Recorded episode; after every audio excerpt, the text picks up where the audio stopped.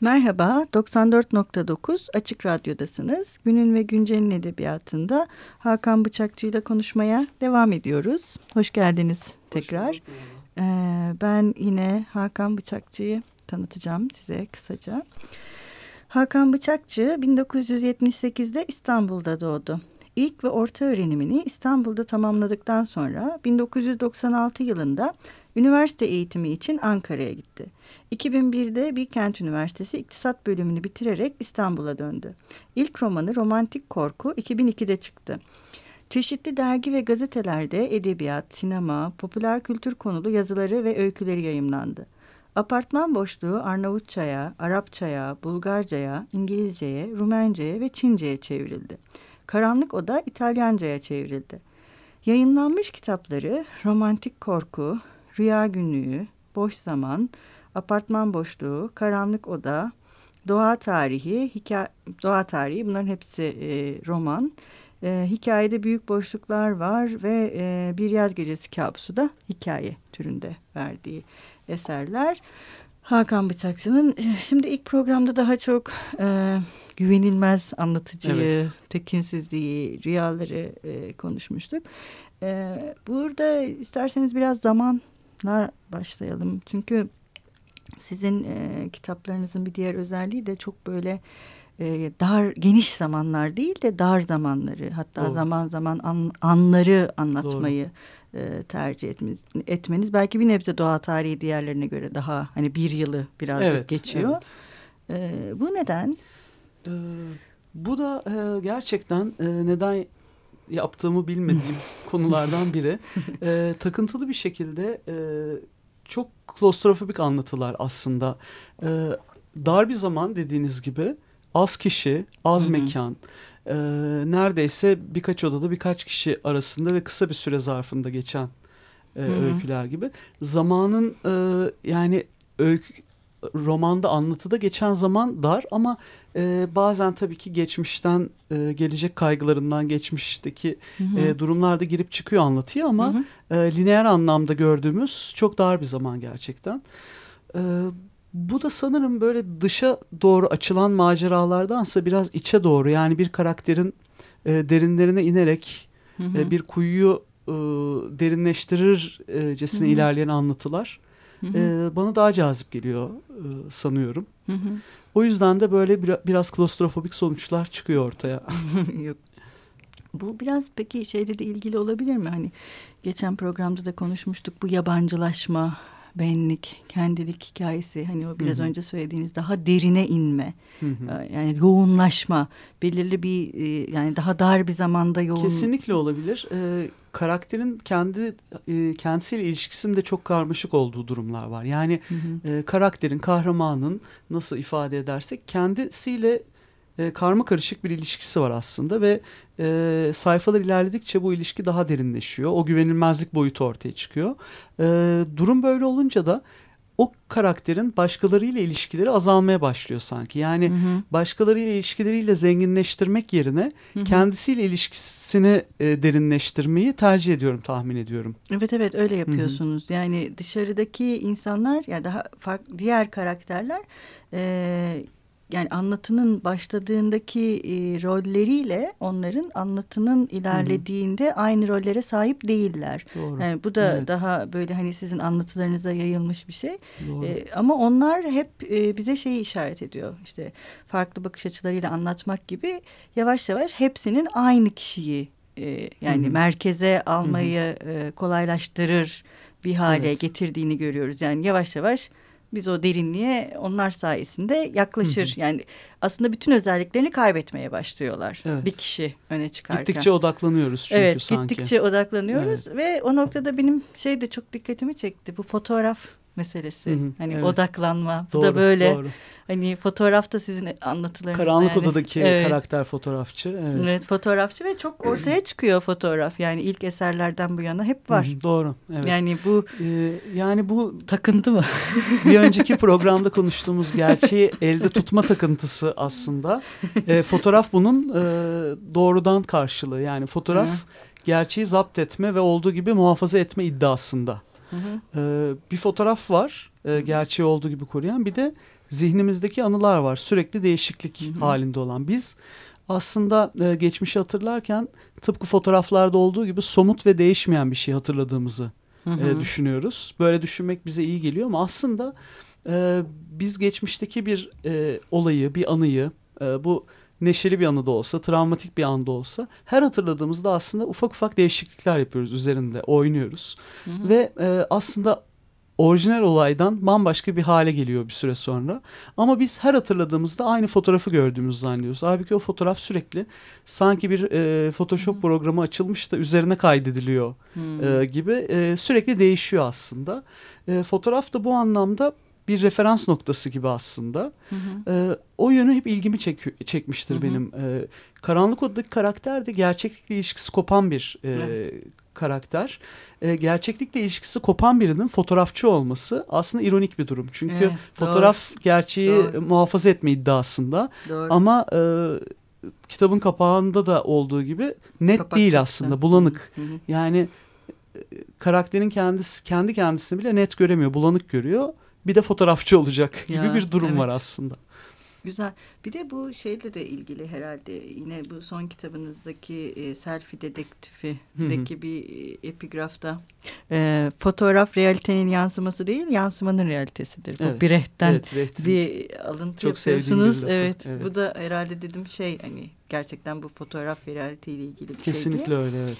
Şimdi bu tekrar takıntı ve işte karakterlerin asıl karaktere odaklanmasını e, sağlaması bu e, yani sizinle ilgili eleştirilerde, yazılan yazılarda ya da size yöneltilen sorularda çok miktarda bu metropol insanı durumu Doğru. var.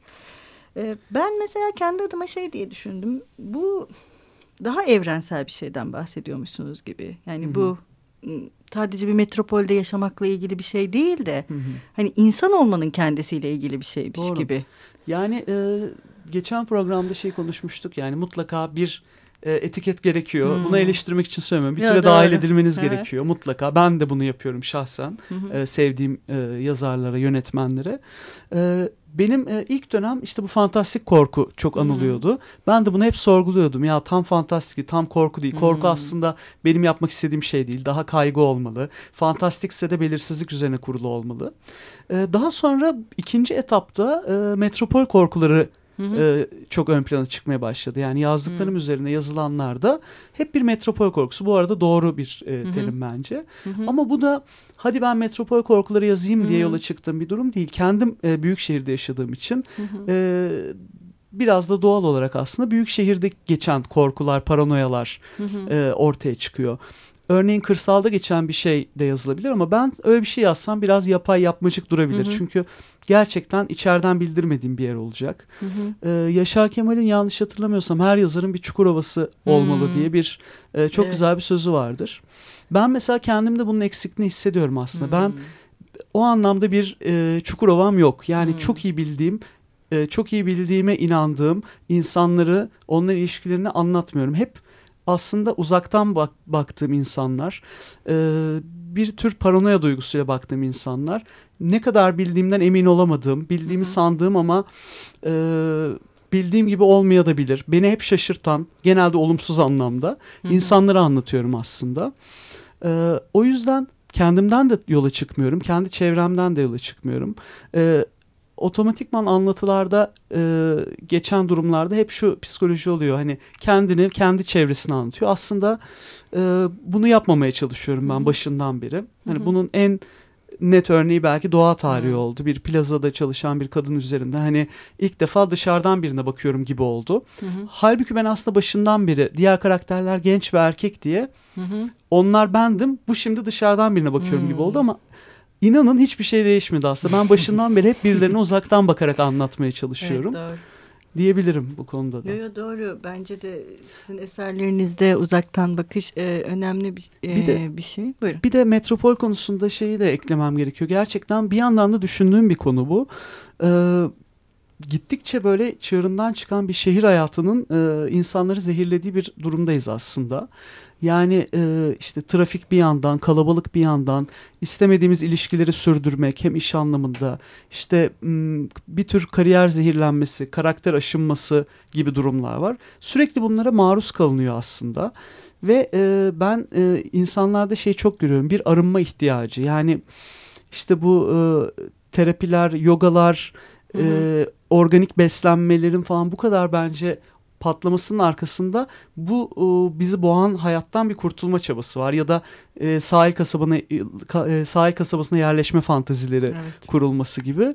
Bu da aslında ilgimi çeken bir konu. Yani şehrin yavaş yavaş insanları içine çekmesi ve insanların çaresizce böyle işte organik yemek, e, meditasyon falan gibi e, maneviyat arayışları içinde e, çırpındıklarını da görüyorum bir yandan.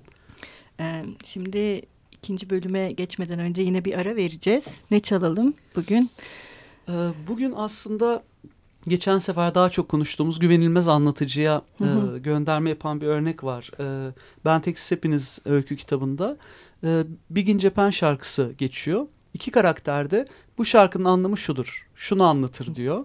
Ama iki yorum da birbirini tutmuyor aslında. Bu tam e, güvenilmez anlatıcı hı hı. durumuyla alay eden bir e, mevzu var. O yüzden bir gün cepheni çalabiliriz.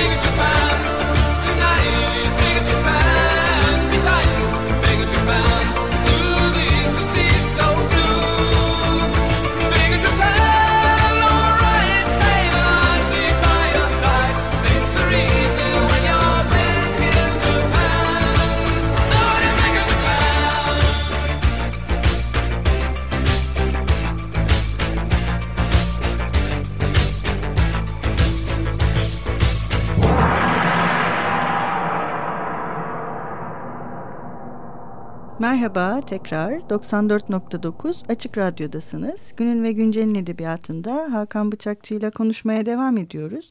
En son bu metropol insanının hallerini evet. e, ve e, metropol insanın korkularını işte giderek e, kendisine e, manevi arayışlar bulma meselesini konuşuyorduk. Oradan isterseniz doğa tarihine geçelim. Hı hı. E, çünkü doğa tarihi tabii sizin diğer eserlerinizde de organik ilişkileri olan, benzerlikleri olan bir kitap ama e, bence diğerlerine göre daha ayrıksı bir bence hali de. var doğa tarihinin. Önce ben e, şey söylemek istiyorum. E, yani bir kadının anlatısı ki sizin kadın kahraman yaratmakta iyi olduğunuzu düşünüyorum Teşekkür ben ederim. gerçekten. Yani kadın karakterleri iyi yazıyorsunuz. Hı. Ve e, doğa tarihi de e, hem iyi yazılmış bir kadın karakter bence ama bir taraftan da şey hani e, şöyle bir sakıncası da var aslında kitabın. Hani ben bunu bir nevi challenge mı diye düşündüm açıkçası siz yazarken. Çünkü bu bir prototip yani. Evet. Hani prototip yazmak bir taraftan da şey bir şey hani tehlikeli de bir şey. Çok doğru. Ben, ben evet oturup bir prototip yazacağım ve bu bir kadın olacak. Bunların hepsi böyle dedim bayağı hani challenge. Evet, evet, evet. o tip düşünceler çok kafamda döndü açıkçası. yani şöyle e, şey iddiam yok kesinlikle. E, hani kadını iyi anlatırım, kadını ben çok iyi yazarım Yo, iyi gibi bir iddiam yok. Ee, buradaki aslında açıkçası e, yapabileceğimi düşündüren şey bana şu olmuştu yolun başında. Aslında bir kadın olarak değil çünkü bir kadını temsil etmiyor. Hı hı. Ee, bir robot olarak düşündüm evet. karakteri. Tıpkı bir robot, hı hı. E, robot uyumluluğuyla hareket eden bir mekanizma. E, sigarası elektronik, sürekli hı hı. bir takım aletleri şarja takarak yaşıyor. Hı hı. Ee, işte kuaföre gittiğinde kafasına bir şey takılıyor. Bankayı aradığında robotla konuşuyor. Hı hı. Şu an aklıma gelmeyen bir sürü örnek var. Her şeyi bir düğmeye basarak yapıyor. Ve bir tür mekanikleşmiş hayatın içindeki bir robot gibi hı hı. anlatmak istedim. Ee, kadın boyutu şurada devreye girdi. Aslında doğa tarihi tamamen e, kendi kendine ait bir yaşamı olmayan insanların başkalarının kurduğu yaşama gidip yaşaması. Hı hı. Yani kendi doğruları, kendi gerçekleri, kendi hayatı olmadığı zaman e, doğru hayat, doğru gerçek, e, doğru olan budur hı hı. denilen coğrafyaya göç eden birini anlatmak istiyordum. E, bu bir erkek de olabilirdi ama e, insan üzerinde kurulan baskıyı anlatmak için kadın karakterin hı hı. E, daha e, üzücü ve daha doğru olduğunu düşünüyorum. Maalesef. Çünkü kadınların üzerindeki baskının ben daha e, güçlü olduğunu düşünüyorum. Erkek e, maalesef daha konformist bir yaratık olarak bir sürü şeyden kaçabiliyor aslında. Kendini koruyabiliyor.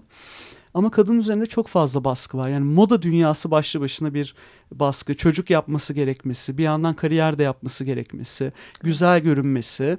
E, bunlar üst üste gelerek e, doğallığın tamamen yok olduğu, hiçbir şeyin içten gelmeyip her şeyin yapaylık üzerine kurulduğu e, bir dünya yaratıyor. Bunu da aslında bir kadın karakter üzerine anlatmak istedim. Yani bu robotun kadın olmasına o noktada karar verdim aslında. Hı hı. Ve e, o şekilde gelişti. E, Yok ben mesela hani e, doğa tarihini önemli buluyorum. Çünkü hali hazırda yaşadığımız dönemin e, yani e, içinde bulunduğumuz e, çağın prototipini yazmak da e, yani bunu şimdi anlatmak da önemli bir şey. Hani şimdi bunun bütün arızalarını, e, bu işin nereye gittiğini anlatmak. Burada da mesela hani hep o konuştuğumuz e, anlatının farklı bakış açılarından ilerlemesine e, şey de var. Hani bizzat yaptığı işin kendisinin kim benim hakkımda ne düşünüyor? Evet. Aynaya sürekli kendini bile göremiyor aynaya baktığında evet. yani. Aynaya gör aynaya baktığında başka birisi. Sürekli bir onaylanma evet. telaşı içinde.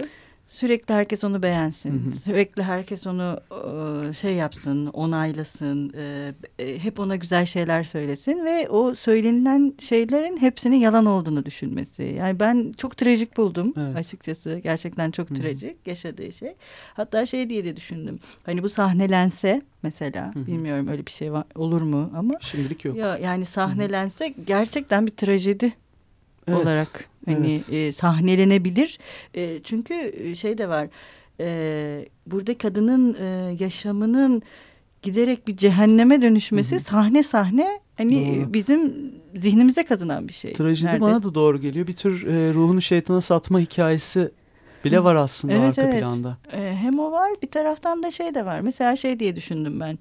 E, doğa e, neden hiç direnmiyor? Hı hı.